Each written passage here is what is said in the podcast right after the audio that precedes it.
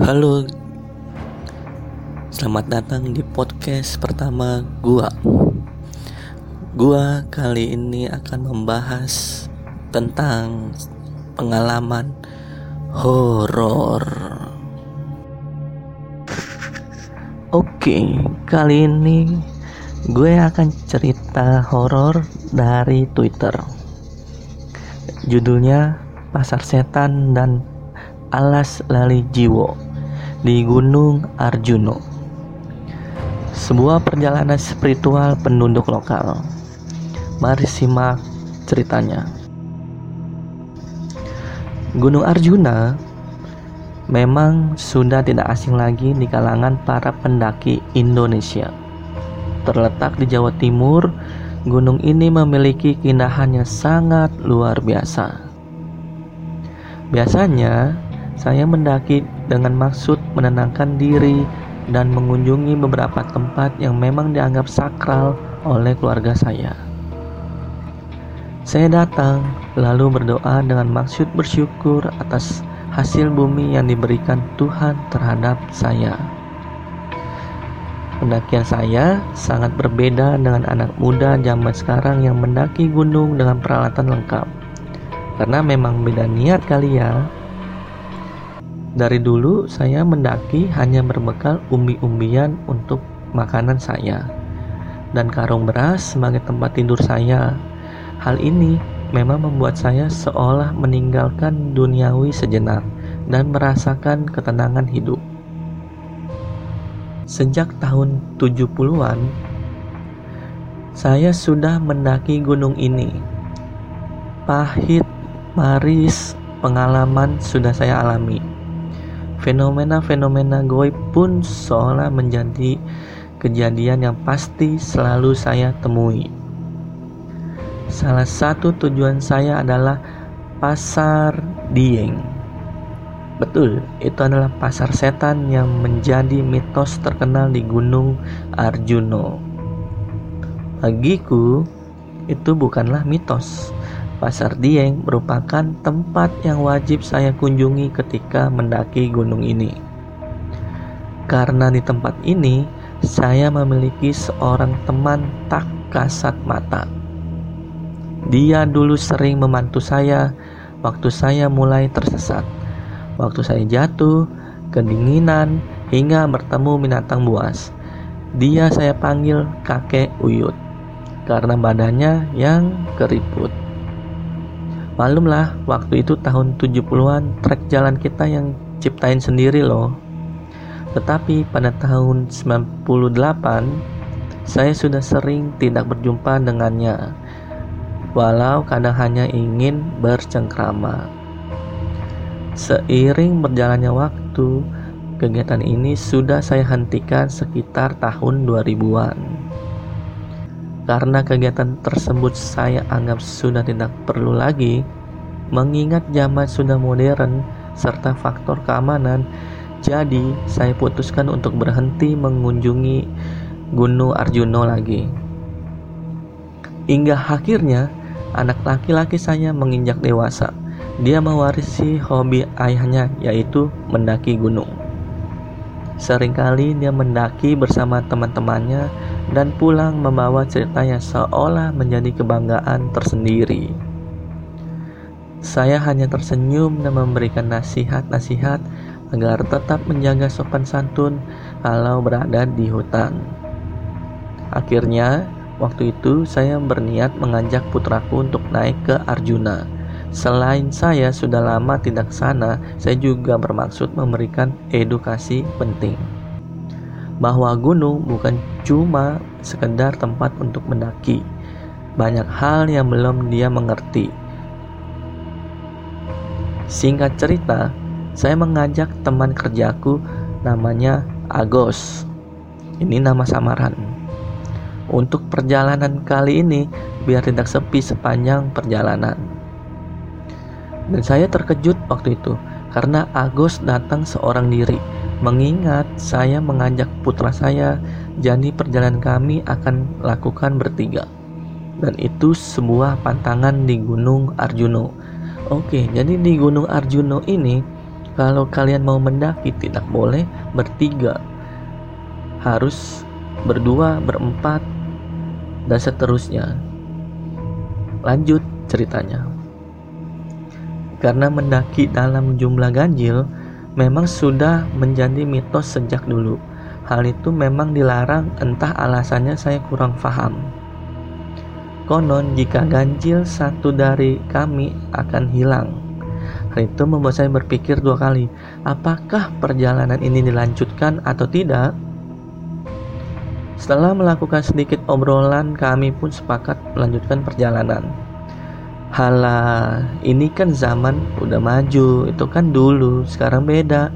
Kamu kan sering kali mendaki Arjuna, masa lu takut? Kata Agus. Aku pun menyetujui pendapatnya. Mengingat juga waktu itu saya melihat putraku yang sudah sangat antusias untuk melakukan perjalanan ini. Loh, yang kita gak bawa tenda ya? Tanya anaknya. Gak usah, sekarang kamu ikut cara ayah. Biar lain kali kamu mendaki gunung biar lebih bijaksana. Mau berbagi sama terpan dan tidak sombong. Karena kalau di gunung, uang itu tidak berarti, tapi rasa setikawan itu sangat diuji. Di gunung, kamu akan tahu siapa yang benar-benar akan mendaki, dan juga kamu akan tahu benar-benar siapa yang menjadi sahabat kamu.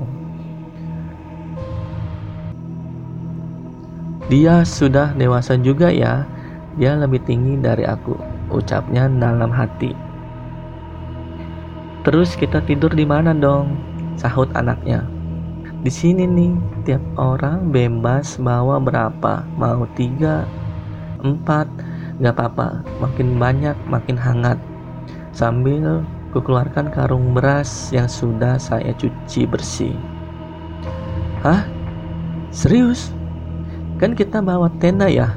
kita bisa sewa di rental camp sudah lengkap sekarang protes anakku kalau kamu semua difasilitasi perjalanan ini menjadi tidak berarti kenapa kamu sekalian gak sewa porter biar anda yang bawain kan ayah sudah bilang semua ini ayah lakukan agar kelak kamu lebih bijaksana jika di alam bebas kataku untuk meyakinkan anak Wah, mantap nih. Ini baru namanya pertualangan. Kata anaknya sambil semangat. Petualangan pala lupeang. Ucap seorang ayah. Anak sekarang memang sok bilang petualangan tanpa mikir kejadian apa saja yang mungkin saja bisa terjadi sewaktu kita di gunung. Persiapan pun lengkap karena jarak gunung tidak jauh dari tempat saya. Perjalanan dimulai dengan berjalan kaki. Memasuki ladang warga sekitar pukul 7 malam. Saya memang berangkat malam karena siang harus menyelesaikan pekerjaan dahulu. Di tengah perjalanan yang sudah memasuki hutan, Tiba-tiba anakku bertanya dengan polosnya. Ya, ada pendaki lain turun tuh, lihat sebelah kanan. Lalu kata ayahnya, sudah jangan hiraukan, jalan saja. Anaknya terus bertanya dan akhirnya saya bentak dengan nada keras supaya dia mengerti maksud saya. Sudah, jangan banyak omong kok. Maju aja kalau kamu rame terus. Kamu kok tinggal di sini. Anaknya langsung paham maksud sang ayah dan langsung diam seketika. Karena saya tahu yang dia lihat itu bukan manusia. Karena waktu itu saya tidak melihatnya, cuma anak saya yang bisa lihat. Dan jalur yang saya lalui ini memang jalur tidak resmi dan jalur yang dibuat warga untuk mencari kayu.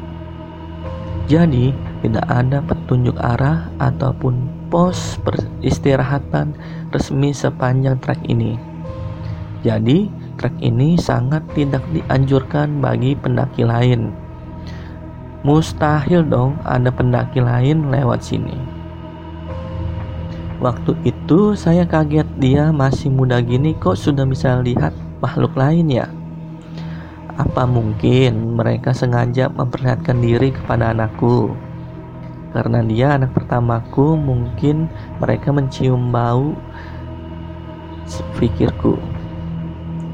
Akhirnya kita sampai di gubuk warga yang biasanya memang saya buat istirahat ketika saya mendaki gunung ini. Waktu itu Agus saya suruh berdoa dan taksia minta izin bahwa kita mau numpang istirahat. Di sela-sela kami istirahat, saya mencoba menasihati anak saya tentang pantangan-pantangan di gunung ini. Seperti tidak boleh bilang capek, mengeluh dingin, masih jauh ya, pakai baju merah hingga kata-kata kotor tidak boleh dikatakan di sini. Sang anak mendengarkan dengan baik-baik kata sang ayah, seolah kaget dengan pendakian kali ini. Kenapa banyak sekali hal yang tidak boleh dilakukan? Beda sekali ya waktu gua mendaki sama teman-teman. Mungkin sang anak mikir gitu. Kita pun istirahat. Sepanjang malam karena kita istirahat di samping jalan dan gak bawa tenda ya. Jadi ketika ada interaksi, kita membuka mata pasti langsung hutan. Waktu itu viewnya suara orang lewat, suara tangisan, rintihan, hingga suara gamelan musik Jawa pun menemani sepanjang malam kami. Karena saya sudah terbiasa dengan hal itu, jadi saya tidak terlalu kaget. Sesekali si Agus mencolekku, mungkin dia mau kasih tahu aku apa aku dengar apa yang dia dengar ya. Waktu itu saya cuma senyum dan coba menakuti dia. Alhasil dia memelukku erat-erat dari belakang. Malam istirahat, saya habiskan dengan memandangi wajah anakku dan berharap anakku bisa menjadi orang yang baik suatu saat nanti. Esok harinya, kami pun melanjutkan perjalanan. Setelah sarapan, kami melakukan perjalanan dengan langkah yang penuh semangat. Sempat beberapa kali kita nyasar karena tumbuhan rimbun dan jarak penglihatan terbatas. Nyasar pun sering terjadi di tengah perjalanan kami. Waktu itu, jalan yang sudah ada bukan menjadi patokan rute kami, karena jalan itu mungkin terbentuk karena orang membuatnya untuk mencari kayu bakar, bukan ke puncak. Waktu itu, ilmu kami sebagai orang lokal yaitu ngompas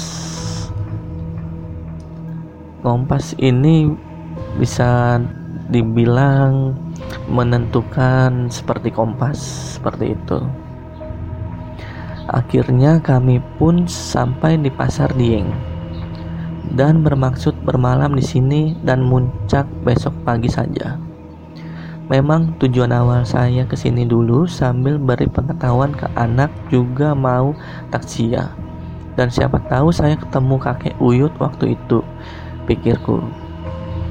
Malam pun tiba, waktu saya habiskan dengan obrolan-obrolan kecil hingga akhirnya kita putuskan untuk istirahat lebih awal agar besok tubuh bisa fit waktu ke puncak. Saya pun terbangun karena suara berisik di tengah keramaian. Waktu itu pun saya bersyukur karena menemui fenomena ini. Karena saya terakhir ke sini, saya tidak mendengar apa pun. Setelah melihat teman dan anakku masih tertidur pulas, saya pastikan cuma saya yang mendengar. Dan akhirnya saya putuskan untuk jalan-jalan sedikit mengelilingi area tersebut.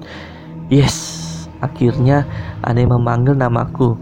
Setelah ku telusuri sumber suara, ternyata dia memang kakek Uyut.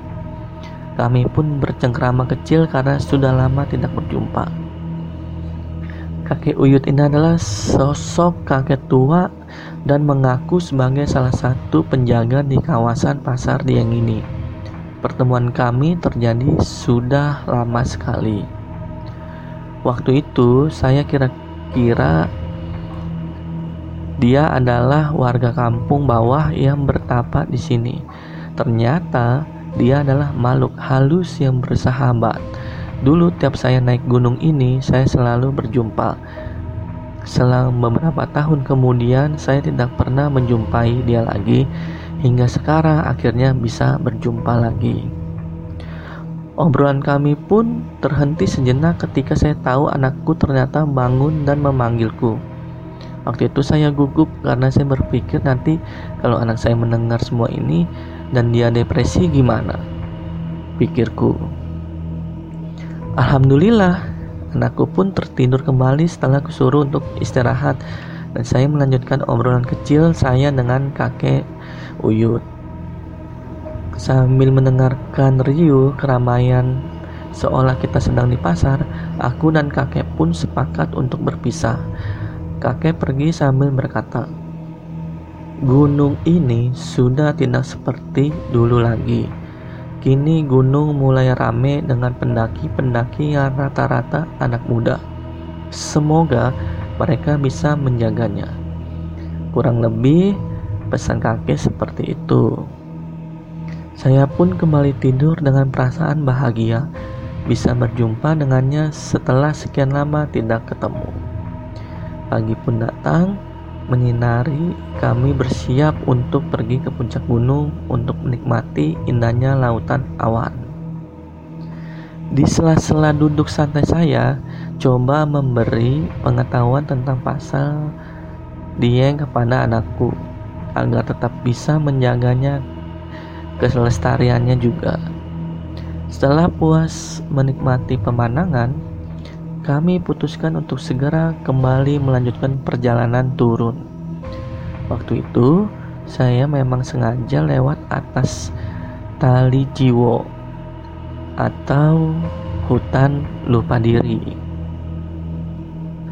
Karena si Agus penasaran dengan kawasan tersebut, yang mitosnya hutan tersebut bisa membuat orang tersesat jika pikiran mereka kotor, sombong, dan sebagainya. Sesampainya di alas tali jiwo, kami istirahat sejenak sembari merasakan aura mistis di sini yang memang sangat kental. Di sela-sela kita istirahat, Agus terlihat kebingungan dan berkata, "Hutannya biasa saja. Maksudnya bisa membuat lupa diri itu yang gimana ya?" Lawong jelas sekali jalannya, lebih membingungkan waktu kita jalan berangkat tadi, kata Agos. Itu memang jadi mitos di sini, Gos. Jangan cerewet, kata temannya. Agus pun tetap tidak terima dengan pendapat saya. Akhirnya saya berkata, Udah, ayo turun nanti kalau istirahatnya terlalu lama jadi lemas dan tidak bersemangat lagi. Kataku sambil mengajak anakku untuk berdiri. Akhirnya yang saya khawatirin pun terjadi. Kita tersesat dan berputar-putar di kawasan alas tali jiwo hingga hampir dua jam. Kita seolah memasuki labirin muter-muter tidak jelas di tempat yang sama. Bahkan saya sempat tinggalkan tanda di salah satu pohon. Setelah berjalan beberapa menit, saya tetap kembali ke pohon tersebut. Setelah kebingungan, kami pun putuskan untuk berdoa dan takziah, berharap kita bisa keluar dari tempat ini. Selang beberapa waktu, terlihat kakek Uyut datang dan tersenyum sambil memberi isyarat untuk jalan mengikuti dia. Saya pun bilang ke Agus dan anak saya, sudah, ayo jalan lagi, insya Allah sekarang bisa pulang. Akhir cerita, kami bisa keluar dari kawasan Alas Tali Jiwo dan betapa kagetnya ternyata kita keluar di arah Lawang Wonosari. Rute ini melenceng jauh dari rute awal pendakian saya. Saya pun tetap bersyukur karena lolos dari tali jiwo dan tersadar jumlah kami yang ganjil yang sangat beresiko jika men jika mendaki gunung ini. Saya merasa bersalah dan hanya memikirkan anak saya jika tadi sampai kenapa-napa. Soal jumlah ganjil, meski tidak masuk akal, memang sudah menjadi pantangan dan mitos penduduk lokal, jadi sebaiknya wajib dipatuhi. Kami pun melanjutkan perjalanan pulang dengan menggunakan jasa ojek untuk menuju rumah kami yang jaraknya satu jam lebih berkendara. Kebayangkan betapa jauhnya Yang terpenting di cerita ini, kami bisa sampai rumah dengan selamat. Tetapi semua saya ceritakan ulang dalam sudut pandang si anak agar kita bisa mengetahui interaksi apa saja yang dirasakan oleh si anak. Jadi kesimpulannya, kalau kita mau mendaki gunung, terlebih lagi pemula, tolong patuhi peraturan atau himbauan dari penduduk lokal yang sudah memberikan peringatan keras. Bahkan senior pun juga jangan merasa sok senior tapi tetap ikuti aturan yang berlaku. Oke, sekian podcast pertama gue yang ini. Kalau suka silahkan di follow. Thank you.